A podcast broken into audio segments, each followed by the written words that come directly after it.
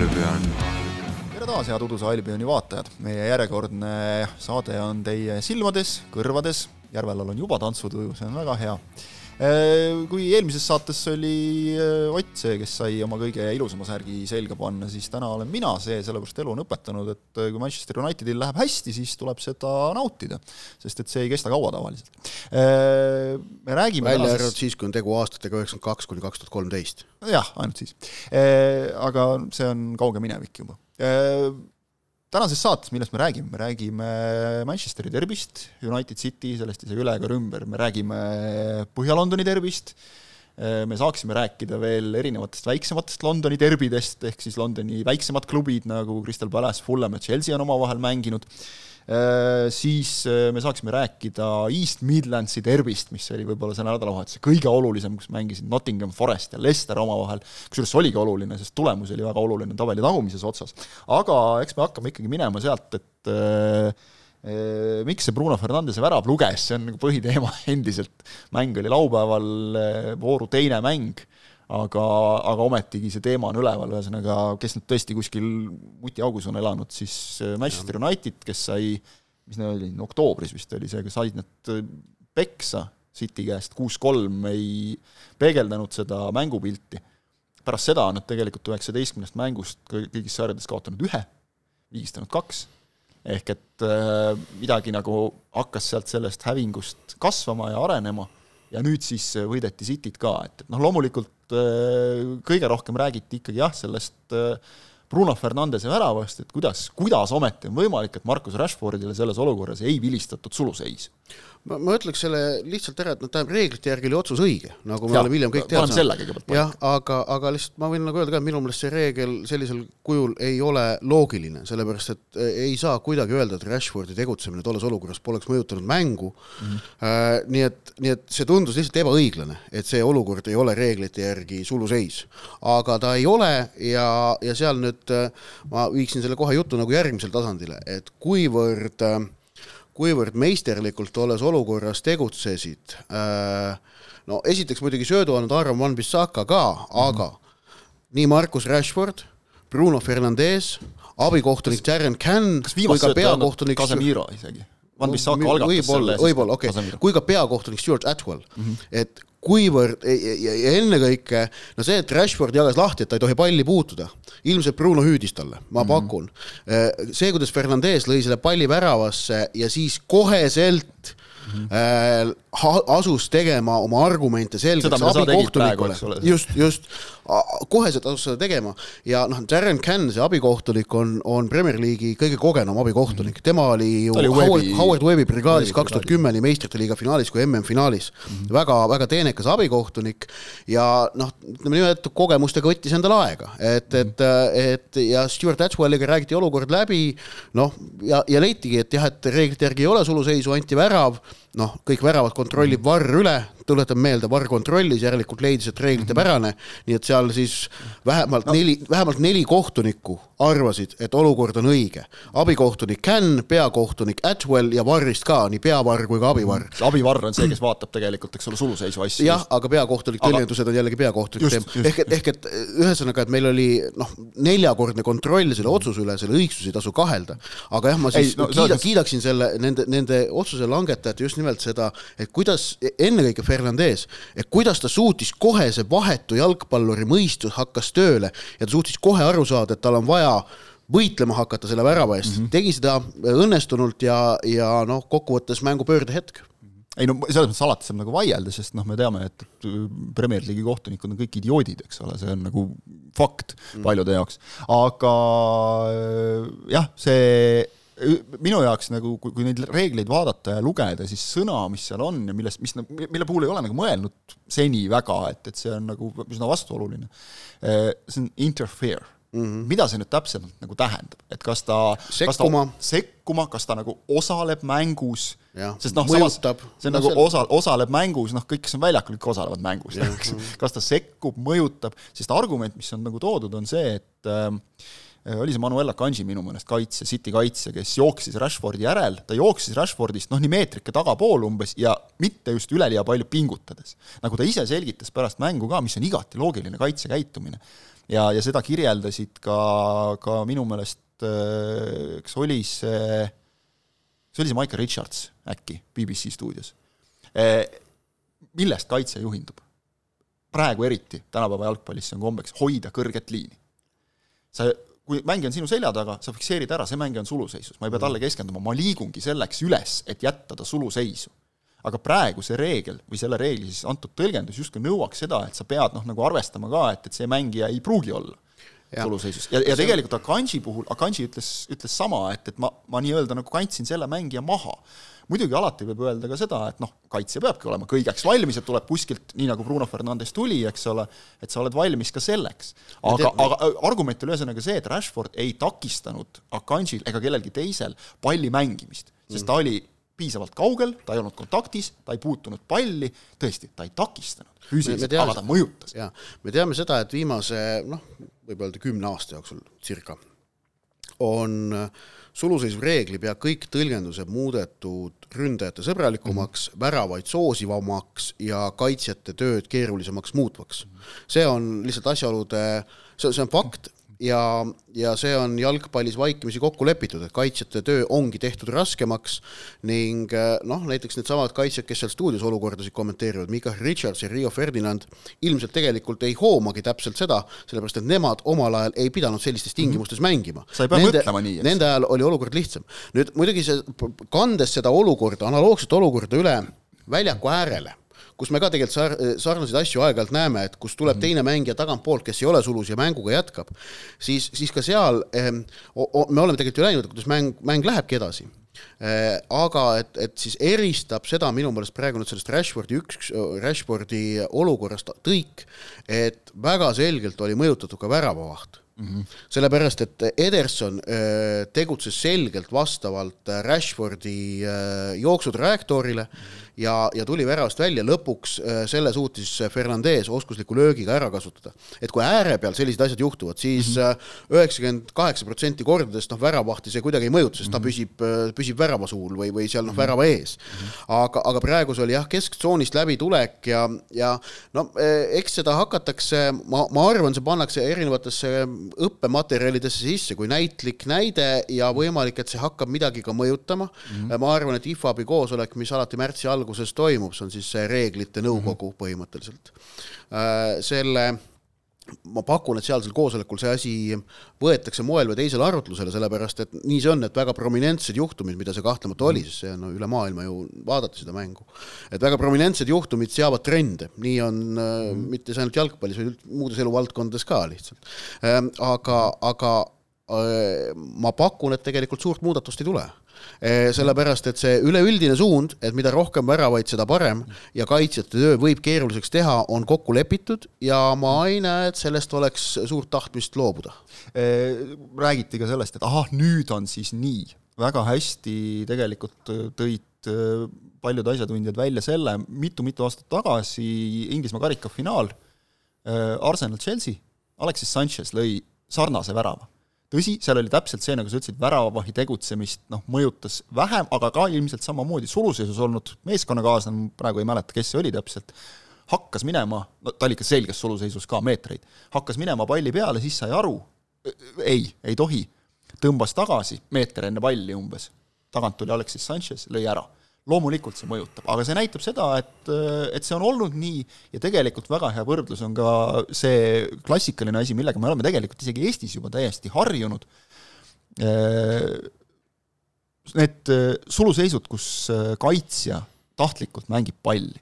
Inglismaalt viimane näide on Wolverhamptoni ja Liverpooli kohtumine, kus oli see vist Wolvesi kaitsja Totti, mängis palli ebaõnnestunult, peaga mitte ettepoole puhtaks, vaid selja taha, seal oli Mo Salah, kes oli sööduhetkel kaks-kolm meetrit suluseisus, võttis, lõi ära.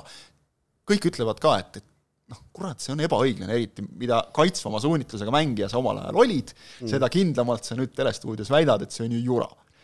aga samas kõik on nagu juba leppinud sellega, et need asjad need ei ole suluseisud, kaitsja, tahtlik puude, selle nullib. ja see läheb täpselt selle alla, mida sa ütlesid, see suund on võetud ja ei näe ka mina, et see muutuma hakkaks. aga, aga räägime kaks sõna mängust ka, et, ähm, et ähm, äh, Peep Guardiolalt hea vahetus Jack Grealishi mm -hmm. platsile toomine toimis, on ju, kolme minutiga tõi värava äh,, aga see oli ka tema ainukene vahetus, mis on huvitav, ma enne mängu no samas on see Guardiolalik natukene. jaa, aga enne mängu vaatasin, võrdlesin meeskondade vahetuspinki ja tõdesin, et, et pagan, et, et ikkagi noh, siin on ebavõrdsus väga selgelt näha, et City pink on, on selgelt tugev, City pingil olid võtta Grealish, maailmameister Julian Alvarez äh,, samamoodi Ilkay Gündogan oli, oli pingi peal võtta Äh, noh, näiteks mõned on ju.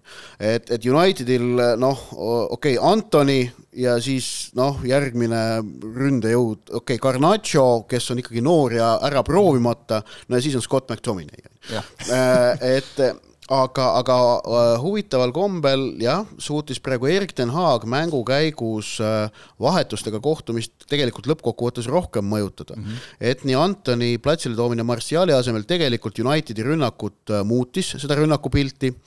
tõsi, teise poole algus jäädi küll väga selgesse hätta, aga, aga, aga sealt tuldi välja ju tegelikult ikkagi enda äh, põhimõtetele truuks jäädes, ei tehtud mingit kardinaalset ümberkorraldust, jah, Garnacho Ericssoni asemel oli ka loogiline vahetus, sa viisid Fernandesi keskele mm, -hmm. äärtel olid, olid sedapuhku siis natuke ründavamad variandid ja Garnacho andis ju kaks-üks väravale ka väravasöödu. pluss Ericssonil, kui ma ei eksi, oli kaart ka all, nii et, et no, see jah, aga, aga, aga, aga, aga, aga Erik ten Haag suutis selle mängu ümber pöörata äh,.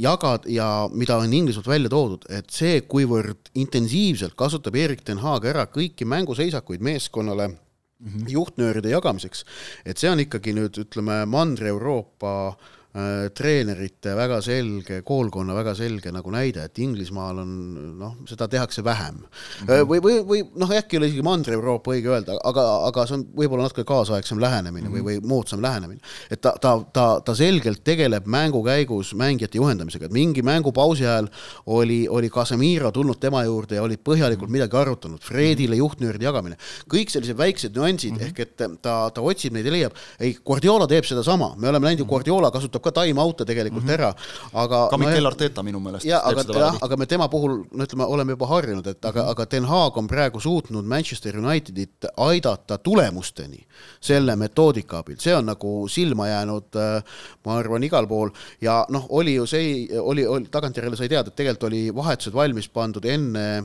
enne üks-üks väravat mm, -hmm. et tuua Lisandro Martinez äh, sisse äh, Malassi asemel, mis oleks andnud Luke Shaw'le võimaluse vasakule äärele mm -hmm. minna, tema tsenderduste kaudu hakata siis otsima väravaid, noh, polnud vaja, Lisandro Martinez'i tsenderdus lükati edasi, aga ja, ja veel, mida Den Haagist räägitakse ja kiidetakse või, või noh, tuuakse esile, et miks Luke Shaw üldse praegu keskkaitses mängib mm -hmm., kusjuures noh, see, kuidas ta äh, viimastel minutitel Erling Braut Haalandi vastu võitis õudvälja mm, -hmm. see oli, see oli ikka võimas -hmm. enda, enda karistusalas.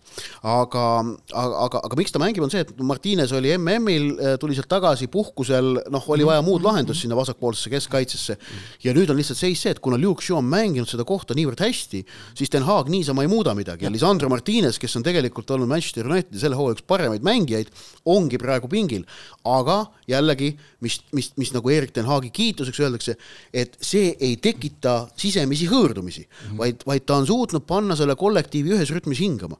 Harry, Harry Maguire ei ole läinud Piers Morganile intervjuud andma, eks ole. ja, ja ei lähe ka, aga, aga, aga ongi, et Manchester United praegu tegelikult äh, saavutab paremaid tulemusi ja näitab paremaid esitusi, kui võiks eeldada nende koosseisu ja muude asjaolude põhjal. samas Manchester City viimasel ajal pärast MM-i saavutab kehvemaid tulemusi ja esituste mõttes on ka ikkagi kehvem, kui võiks neist eeldada. et äh, Erling Braut Haalandil eile vist viis puudet, üleeile viis puudet äh, kastis ja kokku kaheksateist puudet, no ei City, olnud. City selge suur probleem on ikkagi see, et liigakarikas Southamptoniga, kus nad ootamatult kaotasid, null lööki raami okei okay,, seal mängis nii-öelda teine koosseis. ja, ja, ja, aga see teine koosseis mängis. aga see on teine, noh, City teine koosseis, seda sa just kirjeldasid ja nüüd tegelikult, mida isegi Guardiola, kes muidugi noh, vahutas vihast selle üks-üks värava peale, tõi ka välja, et me tegime ühe löögi raami. See oli Grealishi värav. et järelikult jääb ikka endal ka midagi puudu. teine koosseis nii ja naa, ma ütlen sulle selles Southamptoni mängus. ei, ei no ma ütlen City teine koosseis, me ei saa City puhul rääkida teisest koosseisust. ei, vaheajal tulid väljakule De Bruyne, Ake, Akanji, viiekümne kuuendal minutil Haaland, kuuekümne kolmandal minutil mm. Rodri. Eh, ja see on Southampton, kes on liigatabeli põhjas. kes on väga-väga õnnetu, aga, aga, aga see, eh, ka, ka too see liigakarika mäng ikkagi äh, ma arvan, selle mõju on suurem, ta mm, -hmm. see, see lõhub rütmi ja, ja sellised, sellised ka, ka, ka kõik need põhimehed tulid sisse, neil oli terve pool aega aega seda mängu päästa, nad ei saanud hakkama mm, -hmm. see tekitab ebakindlust. ja, ja noh, Manchester City mängis, no tuletan meelde, esimene poolaeg oli pigem ikkagi Unitedi kerge ja. ülekaal teise poole algus oli Citylt väga hea, absoluutselt nõus ja, ja see värav oli täiesti teenitud, see oli tulemas äh,. aga, aga, aga üheksakümne minuti lõikes jah, et Cityl ei ole seda veenvust, mis neil varasemal hooajal tegelikult äh, on olnud või varasematel hooaegadel ka praegu. et Haaland on olnud võimas, aga, aga nüüd jälle selles mängus kadus ära, vaata. just hästi lühidalt veel, muidu me saame terve saate sellest United Cityst teha, et äh, kui vaadata veel, on hakatud rääkima sellest, et kas, kas United peaks nagu hakkama kuidagi prioritiseerima oma, oma asju, no suhteliselt ikkagi keeruline praegu Arsenalist üheksa punkti kaugusel olles on, on hakata rääkima mingist liiga tiitlist, et sellega vast on rahulik, meistrite liiga koha kindlustamine on põhiline. Äh, liiga karikas poolfinaalid Nottingham Forestiga, ehk siis maksimaalselt kolm mängu veel, poolfinaalid pluss finaal noh, seal ei ole midagi prioritiseerida, eks ole, see selline suurepärane võimalus lõpuks nüüd üle aastate mõni karikas võita, seal mängitakse praegu nii, nagu torust tuleb. FA Cupis mängitakse Redinguga, kusjuures FA Cupis on alles äh, vaatasin sõltuvalt siin mõne kordusmängu tulemusest nii umbes neli-viis äh, Premier League'i võistkonda kindlasti selles ringis, pluss siis veel on, äh, kes võivad siis nagu kindlasti edasi minna ka järgmisesse ringi, pluss on kaks paari, kus on Premier League'i meeskonnad omavahel, ehk sealt kaks tükki veel kohe kukub ära. Äh, üks Šans. on City või Arsenal, kes mängivad mm omavahel, ehk et tegelikult ka, ka seal võimalused Unitedi jaoks on head. Ja Euroopa liigas on siis saada kuueteistkümne, vabandust, kaheksandikfinaalis järjekordne mitte Premier League'i vastane on, on arvestatav, arvestatav. just. Ja eh, noh, Liverpool võib probleem on siis Euroopa liiga. probleem on Euroopa liiga, kus on Barcelona. väikeklubi Katalooniast, eks ole kes, kes viimasel ajal mängib hästi, et ma arvan, et kui nagu peaks valima, siis noh, okei okay,, kes nüüd eurosarjast nagu välja ikka tahab kukkuda, aga et noh, nagu Euroopa liiga võib olla see koht, kus see ei ole tragöödia, muidugi ei minda, Barcelona vastu ei minda nagu mingi naljakoosseisuga peale, see on ka täiesti selge. aga ühesõnaga, lühidalt kokku võttes, et minu meelest nagu praegu mingiks prioriteetide panekuks on veel selgelt nagu Unitedil vara, see on natukene selline laskmata karu naha jagamine ja siis üldiselt, kui hakatakse poole hooaja pealt mingeid prioriteete, prioriteete seadma, siis läheb pekki see asi enamasti. aga Arsenal ja Tottenham Põhja-Londoni derbi, lähme nende juurde ka jutuga. no see, need mängud olid omavahel natukene seotud ka. kaks-null Arsenalile, edu kaheksa punkti, ma ütleks hästi lühidalt, Arsenalist me oleme nii palju rääkinud, nad mängi-, mängisid taas nagu tiitli suunas liikuv meeskond. enesekindlalt jah, teine poolaeg oli Spursi jagu, aga noh, nagu öeldakse, hilja peremees. et ma ei tea, kas Antonio Conte noh, läheb liiga ettevaatlikult peale, tegelikult nagu midagi lahti ei ole, nad on esinelikust viie punktiga maas, pool hooaega on mängida, aga nagu mingid asjad seal ei toimi. no kurat, no see, see, see Hugo Lori pirukas. noh, sellest jah. see on, see on, see on selline, et noh, et, et noh, peatreener, kuidas peatreener üleüldse midagi võtab sellise asja osas ette, kui sul maailmameistrist väravavaht teeb sellise kala seal see, oli, see on, see on ebareaalne. seal oli sellega läks ime, kohe, kogu see haare mängule läks kaotsi. imepisike mingi kaitserikošett, aga no sa ei saa seda seal kuidagi vabanduseks tuua küll kohe kuskilt ja. otsast.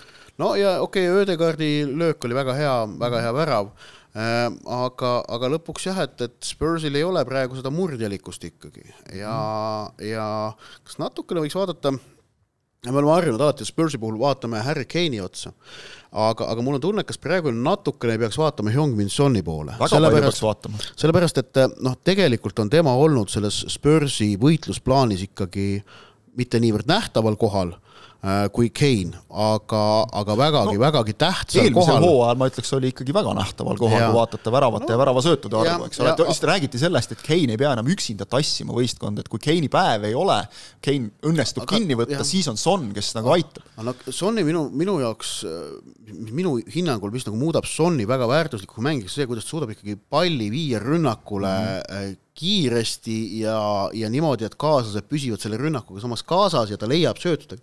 Ehk et ta on noh, teist tüüpi ründaja mm -hmm. kui, mhm. kui Kane aga Son praegu noh, ilmselgelt Sonni puhul oli teada, et tema selle hooaja fookus on mm, sellepärast et, et tema on Lõuna-Korea koondisele palju olulisem kui Harry Kane Inglismaa koondisele. noh, tuues selline paralleel, ehk et Lõuna-Korea koondis on niivõrd palju Hyung-Min Soni nägu ja, ja selgelt ta emotsionaalne kapital investeeris ta tänavu sinna MM-i, Lõuna-Korea jaoks oli MM edukas, nad jõudsid alagrupist edasi. Äh, pluss ärme unustame seda, et tal ju oli võidujooksu ajaga, et üldse seal MM-il mängida saaks. No,, see just, võtab ka mingit emotsionaalset sellist noh, kahtlemata, et nad, näha on, et ta on tühi praegu. Ja, ja, ja see on Spursi jaoks äh, väga selge probleem, see on ka väga selge probleem, jah. Äh,. Chelsea neist ka nagu üle ega ümber ei saa, mängisid nad selle nädala jooksul või lõppenud nädala, nädala jooksul Fulamiga, kaotasid üks-kaks, siis mängisid Crystal Palace'iga, võitsid üks-null, äh, lisaks äh, tegid oma klassikat, ehk et kui mingi klubi mingit mängijat tahab, siis kuskilt nurgast tuleb Chelsea, ütleb, meil on rohkem pappi. Ja võtab ära. Äh, teeme nüüd nagu sellega selgeks kõigepealt, et Mihhail Mudrõk, kes nagu ma, ma olen natuke skeptiline selle mehe nagu läbilöömise osas, sellepärast et kui, kui ta tahtis, ta tahtis väga minna Arsenali. aga siis sattus Chelsea'sse, et noh, ühesõnaga, teeme nagu selle selgeks, et palka on... oli vist kaks korda rohkem pakutud. palka pak-, no siis see üldiselt siis need lapsepõlve lemmikklubid muutuvad väga kiiresti, kui kelle, kellega liitumisest sa oled unistanud eluaeg, nagu see mm. jalgpallurite jutt käib. et selles mõttes ka võib-olla teeme hästi kiirelt nagu selgeks, et, et siin on suured numbrid käivad läbi, et sel hooajal on kujut-, kulutatud, siis Chelsea on kulutanud nelisada kakskümmend üks miljonit naela uute mängijate peale, kõik, nüüd oli, mis ta oli, klassikaline sada miljonit ja seitsmeaastane leping või seitsme poole aastane, aga need lepingute pikkused, Benoit Badiachil, kes tuli ka just äh, mõned päevad varem, tegi ka minu meelest ka seitsmeaastase.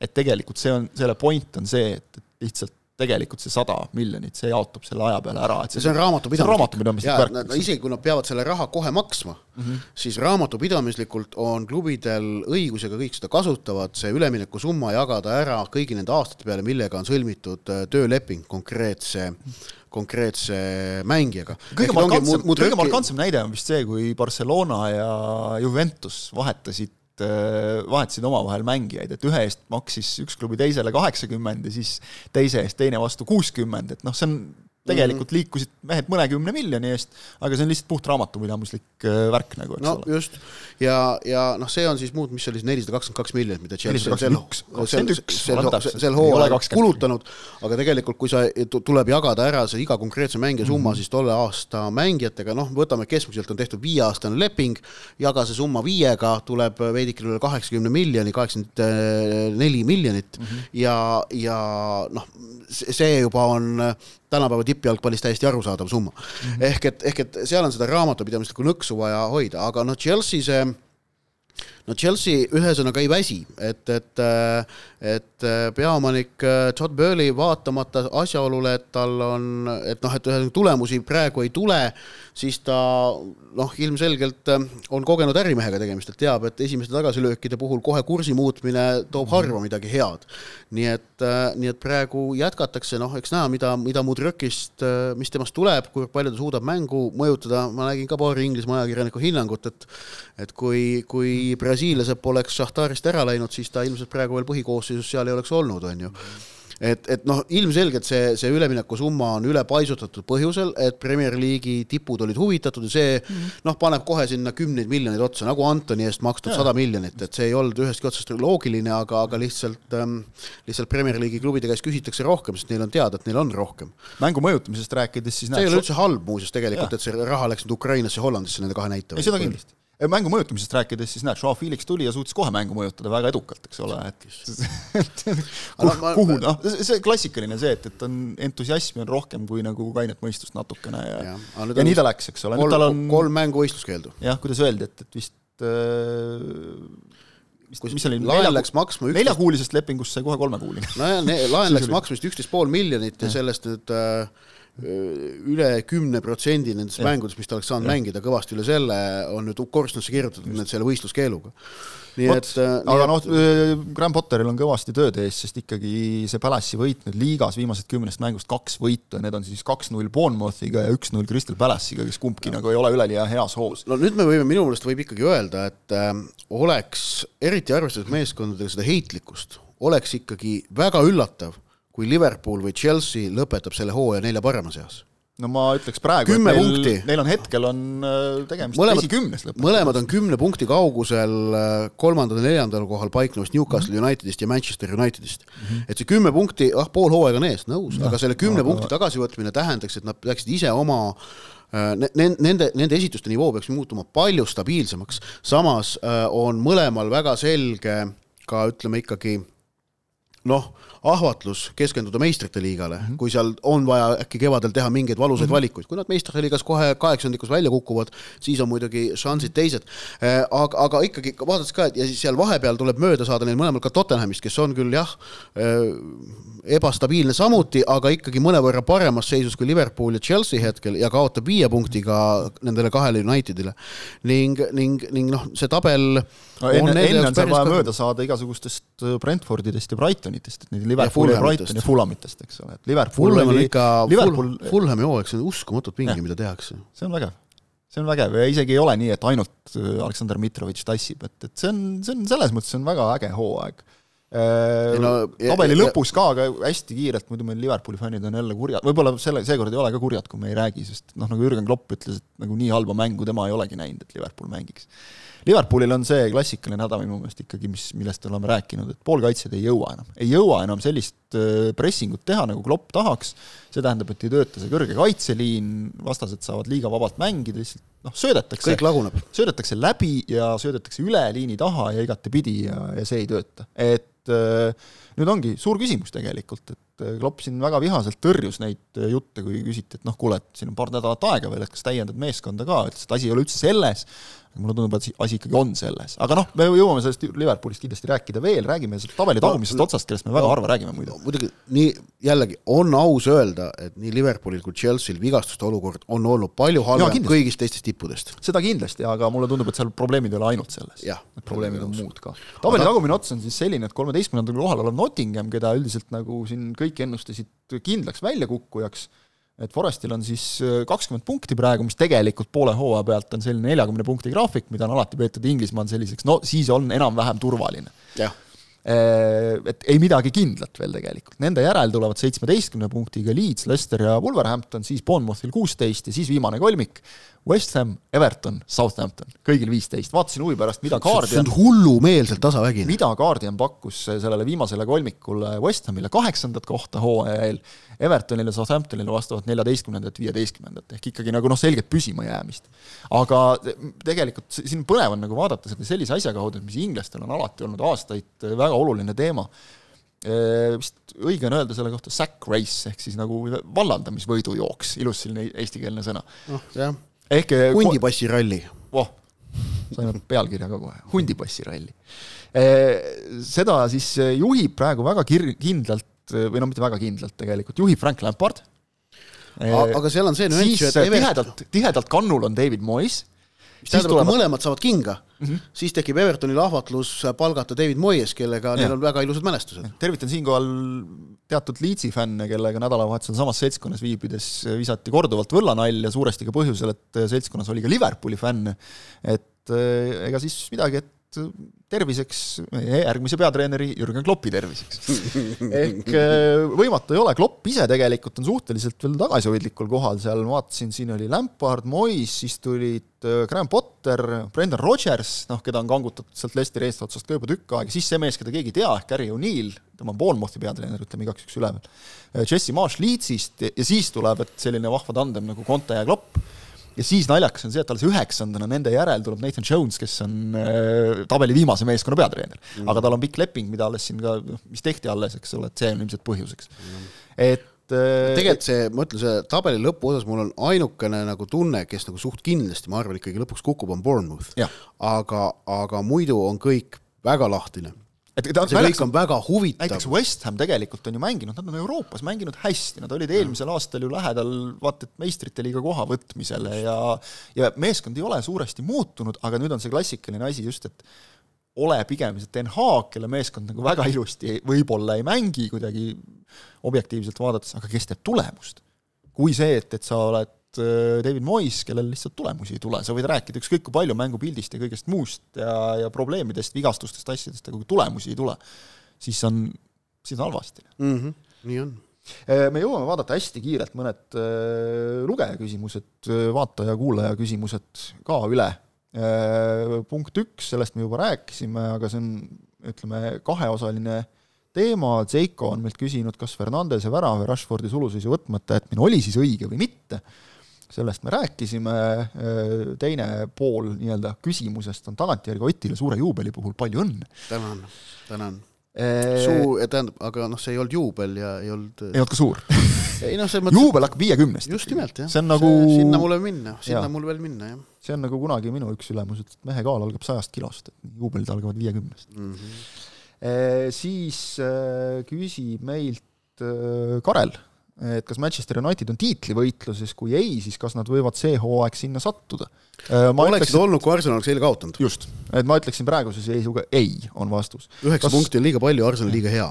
Just, kas Markus Rashford, seda küsib Äh, Maasing meilt, et kas Markus Rashford on praegu üks äh, parimaid mängijaid maailmas, ma arvan, et see on natuke kõrgelennuline, nägin ka juba midagi sellist, et äh, Markus Rashford on parem kui Thierry Henry mis tahes ajahetkel suutis olla. ütleme, inimesed kipuvad eriti just Twitteris ja igal pool mujal vähe lendu minema nende asjadega, aga Markus Rashford on praegu väga hea ründaja ta, ta võib, võib hetkevormi põhjal olla Premier League'i parim ründaja, sest et ta, ta lööb igast asendist, äh, ka siis, kui ta on terve mäng varjus, ka siis, kui ta on esimesel poolel no, pool vigane olnud. Haaland ei ole praegu suutnud tegelikult äh, seda enne MM-i näidatud vormi just nimelt stabiilsuse mõttes mm -hmm. üle, üle, üle kanda. Ja, ja samas Rashford, mis ta on seitse mängu järjest väravad, nii et jah, hetkevormi põhjal Inglismaa parim ründaja maailma, maailma üks paremaid mängijaid, arvan, et ta sinna ei kerki, aga tast, tast ilmselt, ma usun, tuleb karjääri lõikes üks väga hea jalgpallur, kui me kunagi sellele kümne aasta pärast tagasi vaatame. eks näis, noh. Siis kas Jürgen kahekümne kuuenda aasta MM-il Inglismaa maailmameistriks viib, siis vaatame edasi. ja siis vaatame edasi. kas Jürgen Klopp saab lähiajal kinga, ma arvan, et lähiajal mitte ma arvan, et ei saa. ma arvan, et ei saa, selle hooaja jooksul ei ma, saa. kahe hooaja vahel võidakse midagi et, mõelda. tähendab, ma arvan seda, et Klopp ei saagi Liverpoolist mitte kunagi kinga, vaid, vaid kui, kui ta mingil hetkel, mhm. täpselt mm -hmm. nii, nagu oli Dortmundi Borussias, ta läheb ise. just kui ta mingil hetkel tunneb, et ta enam ei taha, ei jaksa, aga seal tuleb meeles pidada, et noh, et oletame, et Liverpool mõtleks, no aga vallandame Jürgen Kloppi. -hmm. aga äh, tähendab, igasuguses juhtimises sul on nagu loogika see, et kui sa, kui sa kellegi vallandad, sa peaksid suutma teha kvaliteedihüppe või vähemalt leida midagi samaväärset. Jürgen Kloppiga praegu samaväärset peatreenerit turult leida, kellele käi-, oleks jõukohane Liverpooliga seotud müütilisest maailmast ja selle sõna heas mõttes, Liverpool on mm -hmm. tohutult müütidega seotud jalgpalliklubi, et sellest müütilisest maailmast üle käia, sellist peatreenerit sa turult naljalt ei leia. Mm -hmm.. kusjuures äh, no Liverpool on, oleme ausad, väga selgelt klubi, kus, kus sul peab olema päris hea ei piisa normaalselt, peab olema hea inglise keele oskus -hmm. et äh, saavutada side selle klubi poolehoidjate, linna ja kõige muuga. ma arvan, et Londoni klubides see näiteks ei ole üldse niivõrd nõutud -hmm. ka Manchesteri omades on seda vähem vaja, Liverpoolis on seda palju rohkem vaja. jah, ja seal tuleb äh, lisaks inglise keelele ka Scouse ära õppida seejärel. no see on omaette teema.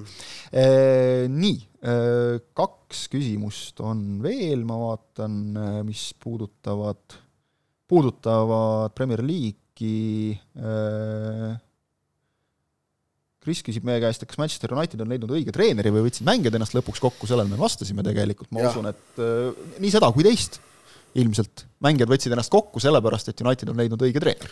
jaa, aga no ja... treeneri tegudest rääkida, siis ikkagi Cristiano Ronaldo minema löömine nõudis mune ja mm -hmm. sellega Den Haag kehtestas ennast väga selgelt, mitte ainult klubi sees, vaid ka terves Premier League'is. just ja Jakob küsib meilt seda, mida meilt on küsitud vist juba igas saates peaaegu ja millega osas me kogu aeg vabandust alt veame vaatajaid-kuulajaid, ehk et Eh, poole hooaja sümboolne koosseis, sümboolne üksteist eh, igast, eh, igast tiimist üks mees. ma, tahan nagu loota, et me saame selle ette võtta mingil hetkel, aga see nädalavahetus oli selline, et lihtsalt mängud olid liiga põnevad, et hakata me, me peaks siis nagu jätma mingitest mängudest rääkimata ja seda me praegu teha ei tahtnud, vot.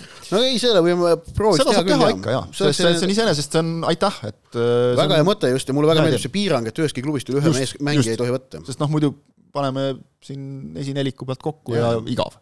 aga ütleme näiteks siin sellised mehed nagu kas või James Ward-Prowse, kes ainuisikuliselt Southamptoni raskest seisust Evertoni vastu välja tassis, jääksid tähelepanuta, nii et aitäh, kirjutage ja joonistage meile edaspidi ka, see on väga, väga tervitatav, aitäh, et täna vaatasite, tõmbame tänasele saatele joone alla, aga nädala pärast tuleb udune Albion jälle, nii et ei pea enam kaua ootama. kohtumiseni!